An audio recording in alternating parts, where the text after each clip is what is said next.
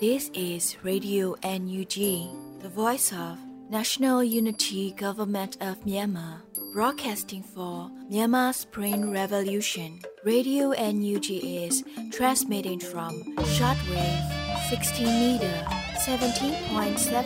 megahertz at 8:30 a.m. and 25 meter 11.94 megahertz at 8:30 p.m. Myanmar Standard Time. မင်္ဂလာပါရှင်။အမျိုးသားညီညွတ်ရေးအစိုးရရဲ့အတန်လွတ်ဌာန Radio NUG ကိုမန္တပိုင်း၈နိုင်ခွဲမှာလိုင်းတူ6မီတာ19.3ခုကုန်းမဂါဟတ်စ်နဲ့ညပိုင်း၈နိုင်ခွဲမှာလိုင်းတူ25မီတာ17.3ကိုလီမဂါဟတ်စ်တို့မှာဓာတ်ရိုက်ဖမ်းယူနားဆင်နိုင်ပါပြီရှင်။မင်္ဂလာအပေါင်းနဲ့ပြည့်စုံကြပါစေ။အခုချိန်ကစပြီး Radio NUG စီစဉ်လေးကိုဓာတ်ရိုက်အတန်လွှင့်ပေးနေပါပြီ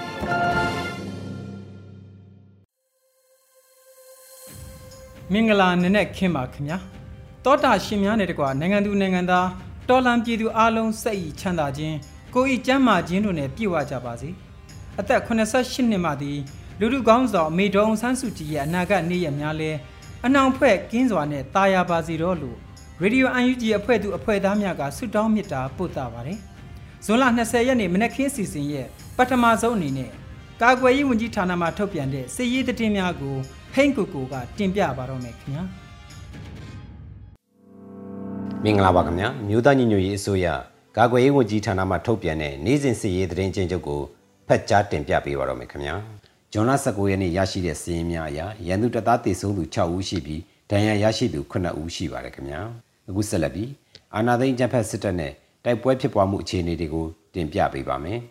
ကရင်ပြည်နယ်မှာဇွန်လ18ရက်နေ့ညနေ6:34မိနစ်အချိန်မှာကြာရင်စိတ်ကြီးမြို့နယ်ခလဲတကွန်တိုင်းကျေးရွာရှိရန်သူတပ်စခန်းကိုဒေသခံပူးပေါင်းဖွဲ့များကစနိုက်ပါနဲ့တိုက်ခိုက်ခဲ့ရာရန်သူတပ်သားတူတေဆုံးခဲ့ကြောင်းသတင်းရရှိပါရခင်ဗျာမန္တလေးတိုင်းမှာဇွန်လ18ရက်နေ့မနက်4:15မိနစ်အချိန်မှာမရေယာမြို့နယ်ဇလကျေးရွာသို့ရောက်ရှိနေတဲ့ရန်သူတပ်သား30ဦးခန့်ပိုဝတောင်ရွာဘက်စစ်ကြောင်းထွက်စဉ်ပြည်သူ့ကာကွယ်ရေးတပ်မတော်ပြင်ဦးလွင်ခရိုင်အမှတ်1တပ်ရင်းနဲ့ နေမီကန်ပကဖများပူးပေါင်း၍မိုင်းသုံးလုံးဖြင့်တိုက်ခိုက်ခဲ့ပါတယ်။ဇွန်လ18ရက်နေ့မှာနထိုးကြီးမြို့နယ်ထန်းစင်ရွာနီးရှိရန်သူတပ်စခန်းတစ်ခုကိုဒေသခံ PDF တပ်ဖွဲ့တစ်ခုမှဒရုန်းဖြင့်ဘုံသီးနှလုံးချတိုက်ခိုက်ခဲ့ရာရန်သူတပ်သား3ဦးသေဆုံးပြီး4ဦးဒဏ်ရာရရှိခဲ့ကြောင်းသတင်းရရှိပါရခင်ဗျာ။မကွေးတိုင်းမှာဇွန်လ18ရက်နေ့နေ့လယ်2:58မိနစ်မှစ၍18ရက်နေ့ညနေ3:05မိနစ်အချိန်ထိကံကောမြို့နယ်တောင်ခရင်ရွာနယ်မြေရဲစခန်းမှထွက်လာတဲ့ ရန်သူအင်အား15ဦးကိုပြည်သူ့ကာကွယ်ရေးတပ်မတော်ကံကောခရိုင်အမှတ်1 12 14တရင်တို့နဲ့ပကဖတို့ပြစ်ခတ်တိုက်ခိုက်ခဲ့ရာရန်သူဘက်မှ3ဦးထိခိုက်ဒဏ်ရာရပြီးစိုးရိမ်ခဲ့ရကြောင်းသိရှိရပါတယ်ခင်ဗျာဇွန်လ18ရက်နေ့နေ့လယ်2နာရီခန့်မှာမြိုင်မြို့နယ်မြိုင်မြို့မြို့မှာရဲစခန်းကိုမြိုင်မြို့နယ်ပြည်သူ့ကာကွယ်ရေးတပ်ဖွဲ့မြိုင်ပကဖဒရုန်းတပ်ဖွဲ့မြိုင်မြို့နယ်ပြည်သူ့ကာကွယ်ရေးတပ်ဖွဲ့မြိုင်ပကဖတရင်2တပ်ခွဲ3တပ်ခွဲ4 Slingy Special Task Force SSDF ရှာရူကောအဖွဲ့ Royal Eagle တို့ပူးပေါင်းကမောင်းသူမဲ့လေရင်ငယ်အသေးများနဲ့စီးနင်းတိုက်ခိုက်ခဲ့ကြောင်းသတင်းရရှိပါရခင်ဗျာဇွန်လ18ရက်နေ့မနက်9နာရီခန့်မှာမြိုင်မြို့နယ်တရက်ကံရွာပြူစောတိရွာမှာထွက်လာတဲ့နယ်မြေကန်ပြူစောတိများရန်သူတပ်ဖွဲ့ဝင်များလိုက်ပါလာတဲ့ကားကြီးနှစ်စီးကိုတရက်ကန်ရွာအနီးမှာမြိုင်မြို့နယ်ပြည်သူ့ကာကွယ်ရေးတပ်ဖွဲ့မြိုင်ပကဖတပ်ရင်1တပ်ခွဲ1တပ်ခွဲ2ကလုံးအလင်းနှံပြောက်ကြားတပ်ဖွဲ့ KMDF ကမ္မဒေသကာကွယ်ရေးအဖွဲ့တို့ကပူးပေါင်းမိုင်းဆွဲတိုက်ခိုက်ခဲ့ရာ ကားကြီးတစ်စီးပျက်စီးဆုံးရှုံးခဲ့ပြီးရန်သူတပ်ဖွဲ့ဝင်2ဦးသေဆုံးခဲ့ကြောင်းသတင်းရရှိပါရခင်ဗျာအခုဆက်လက်ပြီးအာနာသိန်းကျန်းဖက်စစ်တပ်ကျူးလွန်တဲ့ရာဇဝတ်မှုများကိုတင်ပြပေးပါမယ်။ ARD တိုင်းမှာဇွန်လ18ရက်နေ့မှာမြန်အောင်မြို့နယ်ထူအုပ်စုကျေးရွာအုပ်ချုပ်ရေးမှူးကျော်စန်းမှရွာတက်ကုန်းရွာသားတို့ကိုရိုက်နှက်ခဲ့တဲ့ပြင်စေယုံတက်နေရကြောင်းသိရပြီးအမှုဖွင့်ခွင့်မပေးကြောင်းသိရပါတယ်ခင်ဗျာ။ဇွန်လ18ရက်နေ့မှာပသိမ်မြို့နယ်ဟိုင်းကြီးကျွန်းရှိရေတပ်စခန်းမှာဟိုင်းကြီးကျွန်းမြို့နယ် ကုန်းတန်းကြီးရွာမှာတောင်ရလောက်ကင်နေတဲ့ဥပဝင်းအပါဝင်အပြစ်မဲ့ပြည်သူနှုတ်ကိုဖမ်းဆီးသွားခဲ့ကြောင်းသတင်းရရှိပါရခင်ဗျာဟုတ်ကဲ့ပါအခုသတင်းများကိုမြေပြင်သတင်းတာဝန်ခံများနဲ့ခိုင်လုံသောသတင်းရင်းမြစ်များမှစူးစီးတင်ဆက်ပေးထားတာဖြစ်ပါတယ်ခင်ဗျာကျွန်တော်ဟိန်းကိုကိုပါ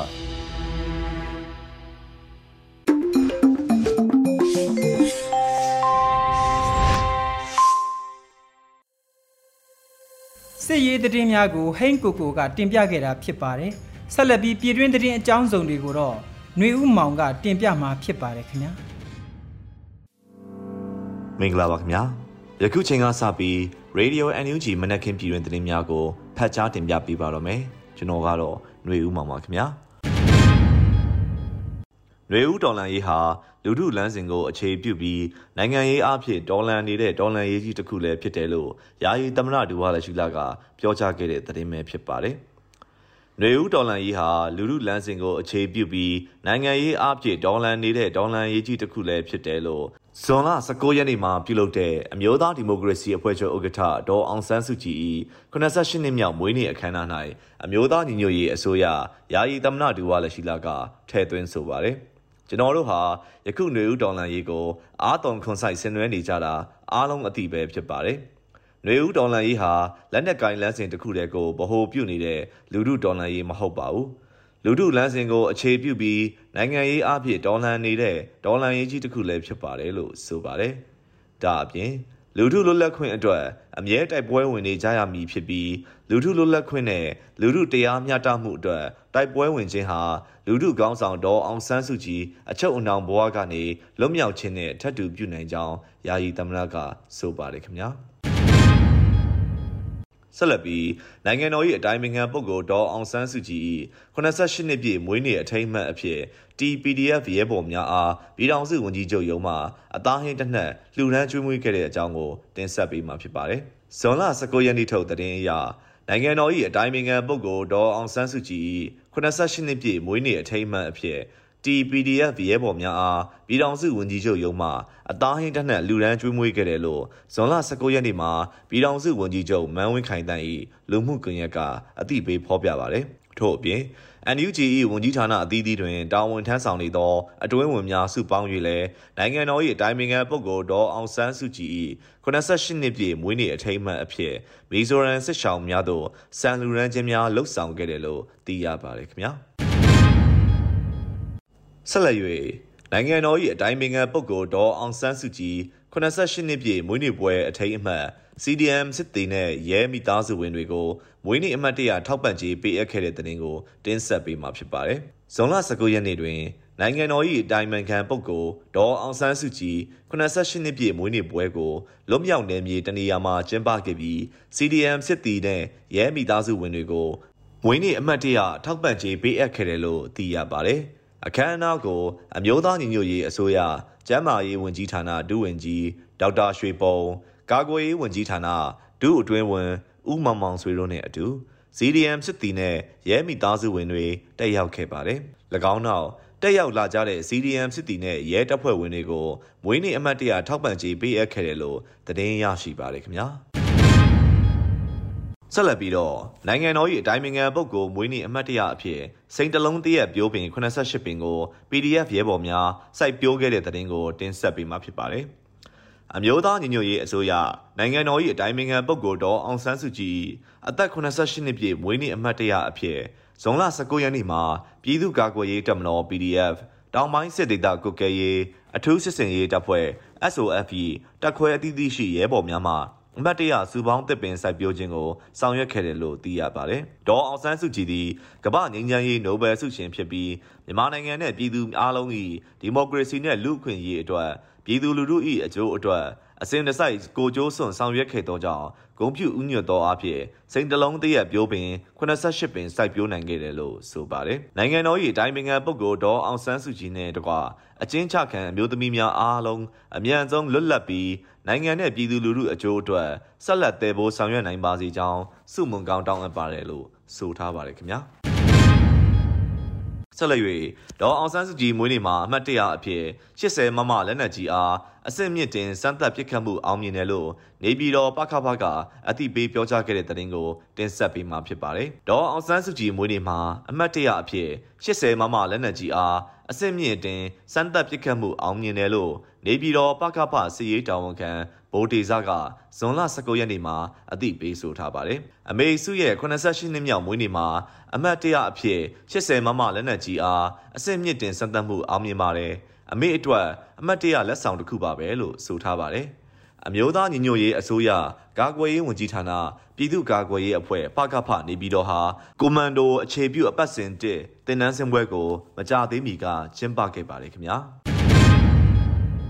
ဆက်လက်၍ဒေါ်အောင်ဆန်းစုကြည်မွေးနေ့မန္တလေးတွင်ပန်းတပိတ်ဆင်နွှဲသူအမျိုးသမီးများမှစစ်ကောင်စီတပ်များ၏ရိုက်နှက်ခံရမှုနဲ့ရန်ကုန်တွင်လည်းဖမ်းဆီးခံရသူများရှိကြောင်းကိုတင်ဆက်ပေးမှာဖြစ်ပါတယ်။မန္တလေးတွင်ဒေါ်အောင်ဆန်းစုကြည်မွေးနေ့အဖြစ်ပန်းတပိတ်ဆင်နွှဲသူအမျိုးသမီးများမှစစ်ကောင်စီတပ်များရိုက်နှက်ခံရ၍ရန်ကုန်တွင်လည်းဖမ်းဆီးခံရသူများရှိတယ်လို့တင်ရရှိပါတယ်။ဇွန်လ19ရက်နေ့မန္တလေးမြို့မြမစီးပွားရေးဘဏ်3အနီးပန်းပန်ထားသူများကိုစစ်ကောင်စီတပ်များက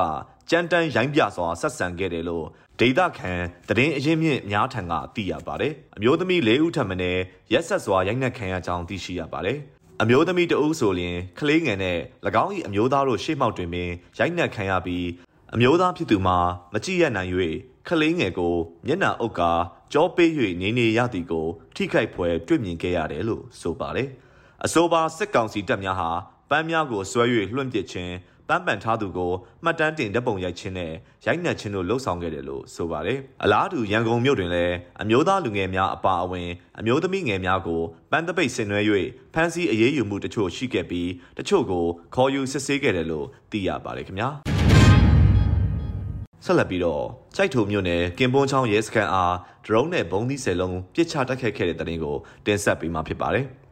မွန်ပြည်နယ်ကြိုက်ထုံမြို့နယ်ကင်မွန်းချောင်းရဲစခန်းအားဒရုန်းဖြင့် ဘုံသီးဆယ်လုံးပစ်ချတိုက်ခိုက်ခဲ့တယ်လို့ဇွန်လ19ရက်နေ့မှာစစ်ရေးသတင်းကိုကြိုက်ထိုတော်လန်ရေးအင်အားစု KRF ကအသိပေးဆိုပါတယ်။ဇွန်လ19ရက်ညနေ3:45မိနစ်အချိန်ကြိုက်ထိုမြို့နယ်ကင်မွန်းချောင်းရဲစခန်းအားစစ်ရေးပြစ်မှတ်အဖြစ် drone နဲ့ဘုံသီးစယ်လုံးပစ်ချတိုက်ခိုက်ခဲ့ရာပြစ်မှတ်များထံကြာရောက်ပောက်ကွဲခဲ့တယ်လို့သိရှိရပြီးလက်တလောမှာစစ်ကောင်စီတပ်များထိခိုက်ကြဆုံးမှုကိုအတည်ပြုနေဆဲဖြစ်ပါတယ်။ KRF အနေဖြင့်ပြည်သူလူထုထိခိုက်စေမိဖောက်ခွဲပစ်ခတ်မှုများကိုလှုံ့ဆော်ခြင်းမရှိဘူးလို့လည်းအသိပေးဆိုထားပါတယ်ခင်ဗျာ။ ဆက်လက်ပြီးမြိုင်မြို့နယ်ရဲစခန်းနဲ့စစ်ကောင်စီများအခိုင်အမာတပ်ဆွဲထားတဲ့နေရာတို့အားမောင်းသူမဲ့လေရင်အသေးလေးများနဲ့တိုက်ခိုက်ခဲ့တဲ့အကြောင်းကိုတင်ဆက်ပေးမှာဖြစ်ပါတယ်။မြိုင်မြို့နယ်ရဲစခန်းနဲ့စစ်ကောင်စီများအခိုင်အမာတပ်ဆွဲထားတဲ့နေရာတို့အားမောင်းသူမဲ့လေရင်အသေးများနဲ့တိုက်ခိုက်ခဲ့တယ်လို့စစ်ရေးသတင်းကိုမြိုင်ပကဖကဇွန်လ19ရက်နေ့မှာအတည်ပြုဆိုပါတယ်။ဇွန်လ18ရက်မွန်လွဲ2နာရီခန့်ကမြိုင်ပကဖဒုံတပ်ဖွဲ့ မြိုင်ပကဖတိုင်ရင်နှင့်တက်ခွဲ3တက်ခွဲ4တို့နဲ့စလင်းကြီး Special Task Force SSDF ရှာတူဝေါ်အဖွဲ့ Royal Eagle တို့နဲ့မြိုင်မြို့မှာရဲစခန်းနဲ့ခွေးများအခိုင်အမာတပ်ဆွဲထားတဲ့နေရာတို့အားမောင်းသူမဲ့အသေးများလေရင်များနဲ့ 1kg အဖူး၄ဘူး450 gram အဖူး12ဘူးတို့နဲ့တိုက်ခိုက်ခဲ့တယ်လို့ဆိုပါတယ်ပြစ်မှတ်တေချာတိကျစွာကြပြီးစစ်ကောင်စီရဲနယ်ပြူများထိခိုက်ဒဏ်ရာရရှိခဲ့တယ်လို့မြိုင်ပခဘကဆိုပါတယ်ဆက်လက်၍စစ်ကောင်စီတပ်မှလက်နက်ကြီးပစ်ခတ်မှုများကြောင့်ကြိုက်ထုံမြို့နယ်အတွင်းထိခိုက်ဒေဆုံးသူအရက်သားဥယေမှာစုစုပေါင်း20ဝန်းကျင်ရှိလာတဲ့အကြောင်းကိုတင်ဆက်ပေးမှာဖြစ်ပါတယ်။စစ်ကောင်စီတပ်မှလက်နက်ကြီးပစ်ခတ်မှုများကြောင့်ကြိုက်ထုံမြို့နယ်အတွင်းထိခိုက်ဒေဆုံးသူအရက်သားဥယေမှာစုစုပေါင်း20ဝန်းကျင်ထိရှိလာတယ်လို့ KNU ကဇွန်လ19ရက်နေ့မှာထုတ်ပြန်ခဲ့ပါတယ်။ဇွန်လ16ရက်နေ့ည9:35မိနစ်ခန့်တွင်တိန်စေရမြို့ရဲစခန်းမှာ60မမ9လုံးပစ်ခတ်ခဲ့ပြီးတိန်စေရမြို့ရွာလေးခွက်တက်တွင်ကြောက်ရောက်ပောက်ကွဲက အရက်သားအမျိုးသမီးတဦးထိခိုက်ဒေဆုံး၍လေးဦးလက်နက်ကြီးကြီးစားထိမှန်ဒဏ်ရာရခဲ့တယ်လို့ဆိုပါတယ်။စစ်ကောင်စီတိန်စေရမြို့ရဲစခန်းမှာလက်နက်ကြီးပစ်ခတ်မှုကြောင့်တိန်စေရမြို့ရွာလေးကွက်တဲ့ရှစ်လန်းနေဥပဘိုဤနေအိမ်ချမ်းဝင်းအတွင်လက်နက်ကြီးတစ်လုံးကြောက်ရောက်ပောက်ကွဲခဲ့ပြီးဥပဘိုခေါ် ဦးစင်ဘိုလက်ဤခါနဲ့လက်တို့ပြင်းထန်စွာအထိမှန်ဒဏ်ရာရရှိခဲ့ကသမီးဖြစ်သူအသက်9နှစ်အရွယ်မတ်တစင်အောင်ဤမျက်နှာနဲ့တင်ပါထိခိုက်ဒဏ်ရာရရှိခဲ့ကဇနီးဖြစ်သူအသက်38နှစ်အရွယ်ဒေါ်အေးအေးနွယ်မှာမျက်နှာနဲ့ဝမ်းပိုက်အားပြင်းထန်စွာထိမှန်ခဲ့ပြီးနေရာတွင်ပင်ပွဲချင်းပြီးသေဆုံးခဲ့ပါတယ်။နောက်ထပ်တစ်လုံးမှာဦးရှိန်ကျော်ဤနေအိမ်ခြံဝင်းအတွင်ကြာရောက်ပြီးဦးရှိန်ကျော်အသက်35နှစ်ဤလက်နက်ဖက်အားလက်နက်ကြီးကြီးစထိမှန်ပြီးဇနီးဖြစ်သူအသက်36နှစ်ဤလက်မောင်း၌ထိမှန်ဒဏ်ရာရရှိခဲ့ပြီးဒဏ်ရာရသူများမှာတိမ်စေးရဲ့ဆေးရုံတွင်စေကုသမှုခံယူလျက်ရှိတယ်လို့သိရပါတယ်။စစ်ကောင်စီမှအာဏာသိမ်းပြီးနောက်ပိုင်းလက်နက်ကြီးပစ်ခတ်မှုများကြောင့်ကြိုက်ထုံမြို့နယ်အတွင်းထိခိုက်ဒေဆုံးသူအရက်သားဥယျာဉ်မှာစုစုပေါင်း20ဝန်းကျင်ရှိတယ်လို့သတင်းရရှိပါတယ်ခင်ဗျာ။နောက်ဆုံးသတင်းအနေနဲ့ကတော့ဒဝဲခရိုင်ဒပိတ်ကော်မတီဝင်ရဲ့အသက်60ကျော်အရွယ်ဖခင်ဖြစ်သူကိုအကြမ်းဖက်စစ်တပ်ကနေအိမ်အတွင်းဝင်ရောက်ရိုက်နှက်ခါဖမ်းဆီးခေါ်ဆောင်သွားခဲ့တဲ့သတင်းကိုတင်ဆက်ပေးမှာဖြစ်ပါတယ်။ ဇွန်လ19ရက်နေ့မွန်တဲ12နာရီခန့်တွင်တဝဲခရိုင်တပိတ်ကော်မတီဝင်ကိုမင်းလွင်၏အသက်60ကျော်အရွယ်ဖခင်ဖြစ်သူကိုအကြမ်းဖက်စစ်တပ်ကနေအိမ်အတွင်းဝင်ရောက်ရိုက်နှက်ခါဖမ်းဆီးခေါ်ဆောင်သွားခဲ့တယ်လို့တဝဲခရိုင်တပိတ်ကော်မတီကအသိပေးဆိုပါတယ်။လောင်းလုံးမြို့နယ်ပြင်းထန်ကျေးရွာရှိနေအိမ်ကိုကားလေးစီးဖြင့်စစ်ကောင်စီတပ်သားအင်အား30ခန်းကအကြမ်းဖက်ဝင်ရောက်ခဲ့ခြင်းဖြစ်ပြီးနေအိမ်အတွင်းရှိပစ္စည်းတချို့ကိုဖျက်ဆီးခဲ့သည့်အပြင် ဖုံးနှလုံးနဲ့ငွေကျပ်၈သိန်းကျော်ကိုလည်းမတရားယူဆောင်သွားခဲ့တယ်လို့သိရပါတယ်။ပြီးခဲ့တဲ့2021ခုနှစ်နိုဝင်ဘာလအတွင်းကလည်းကိုမင်းလွင်ဦး၏မိခင်ဖြစ်သူကိုစစ်ကောင်စီတပ်သားတွေကနေအိမ်အတွင်းအကြမ်းဖက်ဝင်ရောက်ဖမ်းဆီးခဲ့မှုတယ်လို့သိရှိရပါတယ်ခင်ဗျာ။ယခုတင်ပြခဲ့တဲ့သတင်းတွေကို Radio NUG သတင်းတောက်မင်းသီဟန်ကပေးပို့ပေးထားတာဖြစ်ပါတယ်ခင်ဗျာ။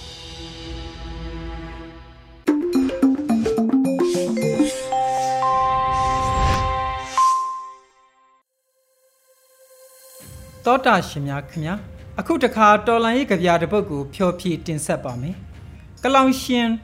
မောင်တင်သစ်ရဲ့အမေစုမွေးနေ့ဂုံပြုကြပြဖြစ်ပါတယ်သူကိုယ်တိုင်ရေးဆိုရွတ်ဖတ်ထားတဲ့ကြပြကကတ်ဆေးမိုးလို့အမည်ရပါတယ်နားဆင်နိုင်ကြပါပြီခင်ဗျာတော့ကြပြကိုချစ်တဲ့ဒုံဆန်းစုကြည်ရဲ့မွေးနေ့မှာဒီနေ့ဒေါ်လာသူတို့ရုံးကန်တာကြပြရုပ်ပွဲဒါကျွန်တော်တို့ဆင်နွှဲနိုင်တာကလည်း အဓိပ္ပာယ်ရှိတယ်လို့ကျွန်တော်တို့လိုနားလည်ပါတယ်ကျွန်တော်ကိုယ်တိုင်ကလည်းကြပြရေးတဲ့သူတယောက်ဖြစ်တဲ့အတွက်ကျွန်တော်ကိုကြပြတပုတ်တပါးတဲ့ရွတ်ဆိုခွင့်ပြုဖို့လည်းကျွန်တော်တို့ရေဘော်များအားလုံးကိုကျွန်တော်ပန်ကြားလို့ဒီကြပြကကျွန်တော်ဒီအပိုင်းပဲ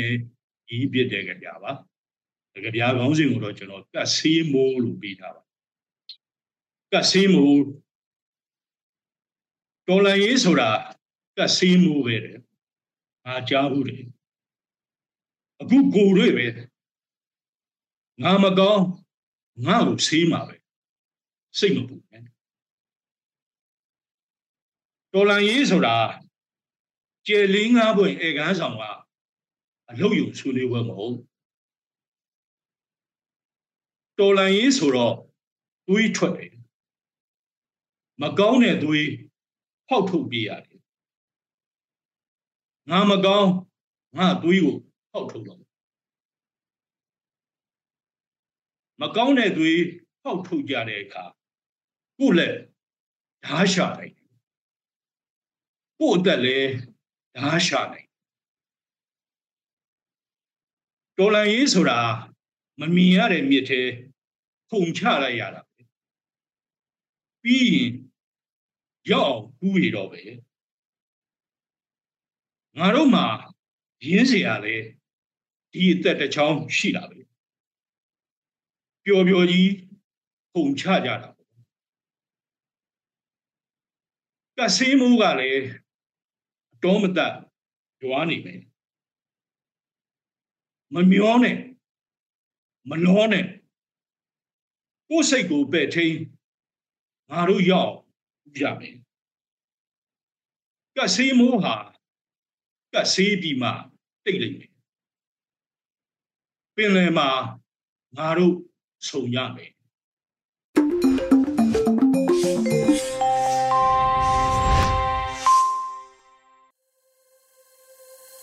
ရေဒီယိုအန်ယူဂျီကဆက်လက်အတန်လွှင့်နေပါတယ်ခင်ဗျာအခုတခါ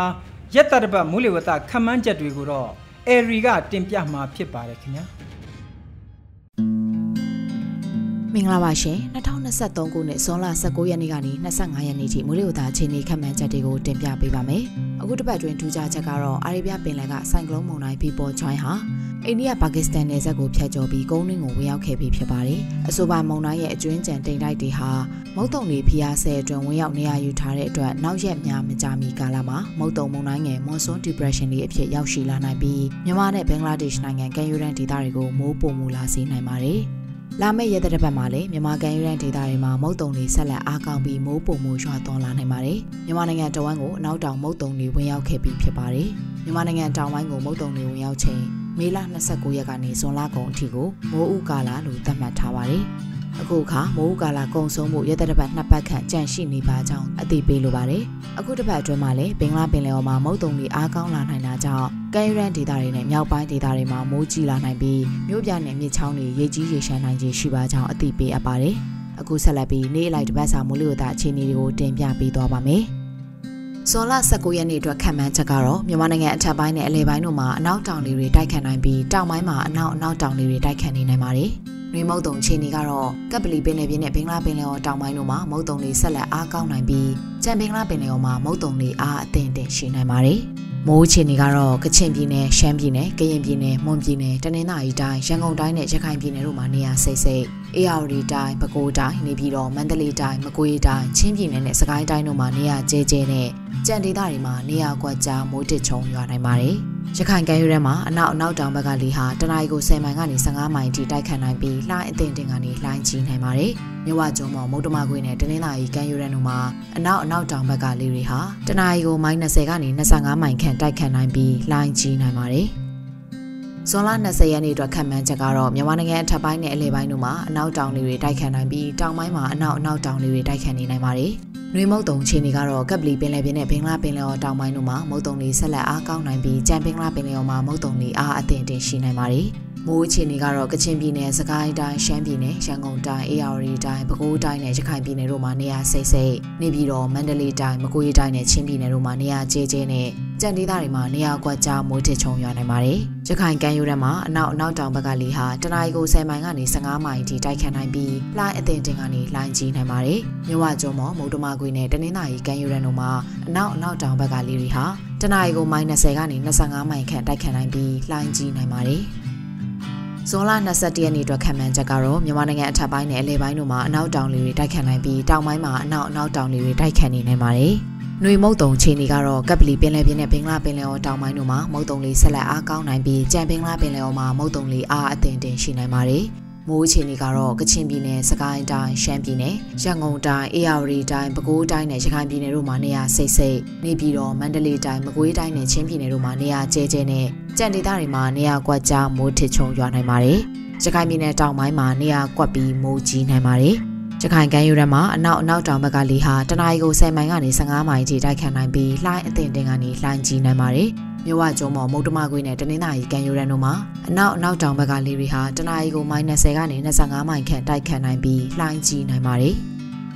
ဇွန်လ22ရက်နေ့အတွက်ခံမှန်းချက်ကတော့မြန်မာနိုင်ငံအထက်ပိုင်းနဲ့အလယ်ပိုင်းတို့မှာအနောက်တောင်လေတွေတိုက်ခတ်နိုင်ပြီးတောင်ပိုင်းမှာအနောက်အနောက်တောင်လေတွေတိုက်ခတ်နေနိုင်ပါတယ်။နှွေမုတ်တုံခြေနေကတော့ကပ်ပလီပင်လယ်ပြင်နဲ့ဘင်္ဂလားပင်လယ်အော်တောင်ပိုင်းတို့မှာမုတ်တုံလေးဆက်လက်အားကောင်းနိုင်ပြီးကြံဘင်္ဂလားပင်လယ်အော်မှာမုတ်တုံလေးအားအသင့်တင်ရှိနိုင်ပါတယ်။မိုးအခြေအနေကတော့ကချင်ပြည်နယ်၊စကိုင်းတိုင်း၊ရန်ကုန်တိုင်း၊အေရဝတီတိုင်း၊ပဲခူးတိုင်းနဲ့ရခိုင်ပြည်နယ်တို့မှာနေရာစိတ်စိတ်ရှမ်းပြည်နယ်၊နေပြည်တော်၊မန္တလေးတိုင်း၊မကွေးတိုင်းနဲ့ချင်းပြည်နယ်တို့မှာနေရာကျဲကျဲနဲ့ကြံဒေသတွေမှာနေရာကွက်ကြားမိုးထစ်ချုံရွာနိုင်ပါတယ်။ကချင်ပြည်နယ်နဲ့ရခိုင်ပြည်နယ်တောင်ပိုင်းတို့မှာနေရာကွက်ပြီးမူကြီးနိုင်ပါတယ်။ရခိုင်ကမ်းရိုးတန်းမှာအနောက်အနောက်တောင်ဘက်ကလေဟာတနအီကို10မိုင်ကနေ15မိုင်ထိတိုက်ခတ်နိုင်ပြီးလှိုင်းအသင့်တင်ကနေလှိုင်းကြီးနိုင်ပါတယ်။မြဝကျုံမော်မုတ်တမခွင်းနဲ့တနင်္သာရီကမ်းရိုးတန်းဘက်မှာအနောက်အနောက်တောင်ဘက်ကလေတွေဟာတနအီကို -30 ကနေ25မိုင်ခန့်တိုက်ခတ်နိုင်ပြီးလှိုင်းကြီးနိုင်ပါတယ်။ဇွန်လ23ရက်နေ့အတွက်ခံမှန်းချက်ကတော့မြန်မာနိုင်ငံအထက်ပိုင်းနဲ့အလယ်ပိုင်းတို့မှာအနောက်တောင်လေတွေတိုက်ခတ်နိုင်ပြီးတောင်ပိုင်းမှာအနောက်အနောက်တောင်လေတွေတိုက်ခတ်နေနိုင်ပါတယ်။ နှွေမုတ်တုံအခြေအနေကတော့ကပ်ပလီပင်လယ်ပြင်နဲ့ဘင်္ဂလားပင်လယ်အော်တောင်ပိုင်းတို့မှာမုတ်တုံလေးဆက်လက်အားကောင်းနိုင်ပြီးကြံဘင်္ဂလားပင်လယ်အော်မှာမုတ်တုံလေးအားအသင့်တင်ရှိနိုင်ပါတယ်။မိုးအခြေအနေကတော့ကချင်ပြည်နယ်၊စကိုင်းတိုင်း၊ရန်ကုန်တိုင်း၊အေရဝတီတိုင်း၊ပဲခူးတိုင်းနဲ့ရခိုင်ပြည်နယ်တို့မှာနေရာစိတ်စိတ်ရှမ်းပြည်နယ်၊နေပြည်တော်၊မန္တလေးတိုင်း၊မကွေးတိုင်းနဲ့ချင်းပြည်နယ်တို့မှာနေရာကျဲကျဲနဲ့ကြံဒေသတွေမှာနေရာကွက်ကြားမိုးထစ်ချုံရွာနိုင်ပါတယ်။ ရခိုင်ကမ်းရိုးတန်းမှာအနောက်အနောက်တောင်ဘက်ကလေဟာတနအီကို10မိုင်ကနေ15မိုင်ထိတိုက်ခတ်နိုင်ပြီးလှိုင်းအသင့်တင်ကနေလှိုင်းကြီးနိုင်ပါတယ်။မြဝကျုံမော်မုတ်တမကွင်းနဲ့တနင်္သာရီကမ်းရိုးတန်းတို့မှာအနောက်အနောက်တောင်ဘက်ကလေတွေဟာတနအီကို -30 ကနေ25မိုင်ခန့်တိုက်ခတ်နိုင်ပြီးလှိုင်းကြီးနိုင်ပါတယ်။ ဇွန်လ24ရက်နေ့အတွက်ခံမှန်းချက်ကတော့မြန်မာနိုင်ငံအထက်ပိုင်းနဲ့အလယ်ပိုင်းမှာအနောက်တောင်လေတွေတိုက်ခတ်နိုင်ပြီးတောင်ပိုင်းမှာအနောက်အနောက်တောင်လေတွေတိုက်ခတ်နေနိုင်ပါတယ်။နှွေမုတ်တုံခြေနေကတော့ကပ်ပလီပင်လယ်ပြင်ဘင်္ဂလားပင်လယ်အော်တောင်ပိုင်းနဲ့အလယ်ပိုင်းတို့မှာမုတ်တုံလေအားကောင်းလာနိုင်ပြီးကြံပင်ငါပင်လယ်အော်မှာမုတ်တုံလေအားအသင့်တင်ရှိနိုင်ပါတယ်။ မိုးအခြေအနေကတော့ကချင်ပြည်နယ်၊စကိုင်းတိုင်း၊ရန်ကုန်တိုင်း၊အေရဝတီတိုင်း၊ပဲခူးတိုင်း၊ရခိုင်ပြည်နယ်၊မွန်ပြည်နယ်နဲ့တနင်္သာရီတိုင်းတို့မှာနေရာစိတ်စိတ်ရှမ်းပြည်နယ်၊နေပြည်တော်၊မန္တလေးတိုင်း၊မကွေးတိုင်းနဲ့ချင်းပြည်နယ်တို့မှာနေရာကျဲကျဲနဲ့ကြံဒေသတွေမှာနေရာကွက်ကြားမိုးထစ်ချုံရွာနိုင်ပါတယ်။ရခိုင်ကမ်းရိုးတန်းမှာအနောက်အနောက်တောင်ဘက်ကလေဟာတနအီကို15မိုင်ကနေ -30 အထိတိုက်ခတ်နိုင်ပြီးလှအသင့်တင်ကနေလှိုင်းကြီးနိုင်ပါတယ်။မြဝကျုံမော်မုတ်တမကွေနဲ့တနင်္လာရီကမ်းယူရန်တို့မှာအနောက်အနောက်တောင်ဘက်ကလေတွေဟာတနအီကို -30 ကနေ25မိုင်ခန့်တိုက်ခတ်နိုင်ပြီးလှိုင်းကြီးနိုင်ပါတယ်။ ဇွန်လ25ရက်နေ့အတွက်ခံမှန်းချက်ကတော့မြန်မာနိုင်ငံအထက်ပိုင်းနဲ့အလယ်ပိုင်းတို့မှာအနောက်တောင်လေတွေတိုက်ခတ်နိုင်ပြီးတောင်ပိုင်းမှာအနောက်အနောက်တောင်လေတွေတိုက်ခတ်နေနိုင်ပါတယ်။နှွေမုတ်တုံခြေနေကတော့ကပ်ပလီပင်လယ်ပြင်ဘင်္ဂလားပင်လယ်ော်တောင်ပိုင်းနဲ့အလယ်ပိုင်းတို့မှာမုတ်တုံတွေဆက်လက်အားကောင်းလာနိုင်ပြီးကြံဘင်္ဂလားပင်လယ်ော်မှာမုတ်တုံတွေအားအသင့်တင်ရှိနိုင်ပါတယ်။ မိုးအခြေအနေကတော့ရခိုင်ပြည်နယ်ရန်ကုန်တိုင်း AR တိုင်းပဲခူးတိုင်းမွန်ပြည်နယ်နဲ့တနင်္သာရီတိုင်းတို့မှာနေရာအနှံ့ပြကချင်ပြည်နယ်စကိုင်းတိုင်းနဲ့ရှမ်းပြည်နယ်တို့မှာနေရာစိတ်စိတ်နေပြည်တော်မန္တလေးတိုင်းမကွေးတိုင်းနဲ့ချင်းပြည်နယ်တို့မှာနေရာကျဲကျဲနဲ့ကြံဒေသတွေမှာနေရာကွက်ကြားမိုးထစ်ချုံရွာနိုင်ပါတယ်ရခိုင်ပြည်နယ်မွန်ပြည်နယ်နဲ့တနင်္သာရီတိုင်းတို့မှာနေရာကွက်ပြီးမိုးကြီးနိုင်ပါတယ်ရခိုင်ကမ်းရိုးတန်းမှာအနောက်အနောက်တောင်ဘက်ကလေတွေဟာတနအီကို15မိုင်ကနေမိုင်20အထိတိုက်ခတ်နိုင်ပြီးလှိုင်းအသင့်တင်ကနေလှိုင်းကြီးနိုင်ပါတယ်။ မြဝကျုံမော်မုတ်တမကွေနဲ့တနင်္သာရီကမ်းရိုးတန်းတို့မှာအနောက်အနောက်တောင်ဘက်ကလေတွေဟာတနအီကိုမိုင်20ကနေ25မိုင်ခန့်တိုက်ခတ်နိုင်ပြီးလှိုင်းကြီးနိုင်မှာကြောင့်လူသားချင်းစာနာထောက်ထားရေးနဲ့ဘေးအန္တရာယ်ဆိုင်ရာစီမံခန့်ခွဲရေးဝန်ကြီးဌာနကရဲတပ်တပ်မွေးလူသားအခြေအနေတွေကိုထုတ်ပြန်ထားပါတယ်ရှင်။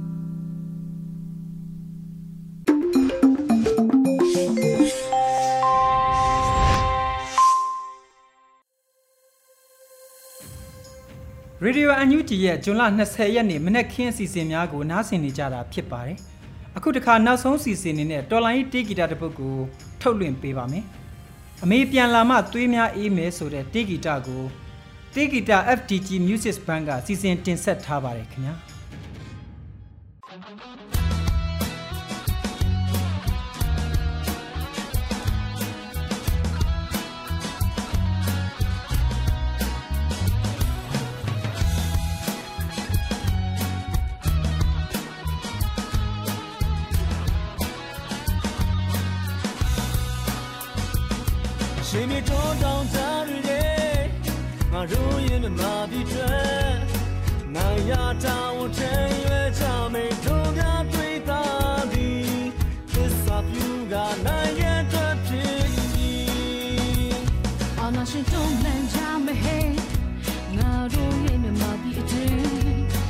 house နဲ့ဆိုပြိုလဲချဖို့ရညီညွတ်တိုက်ထုံးလေ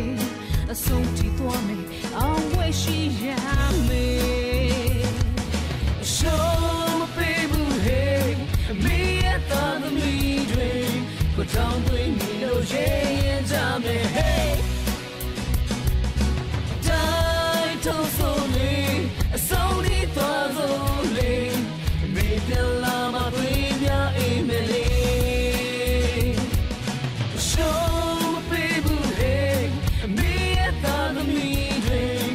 down တွေ့မိလို့ရင်ကြမယ် hey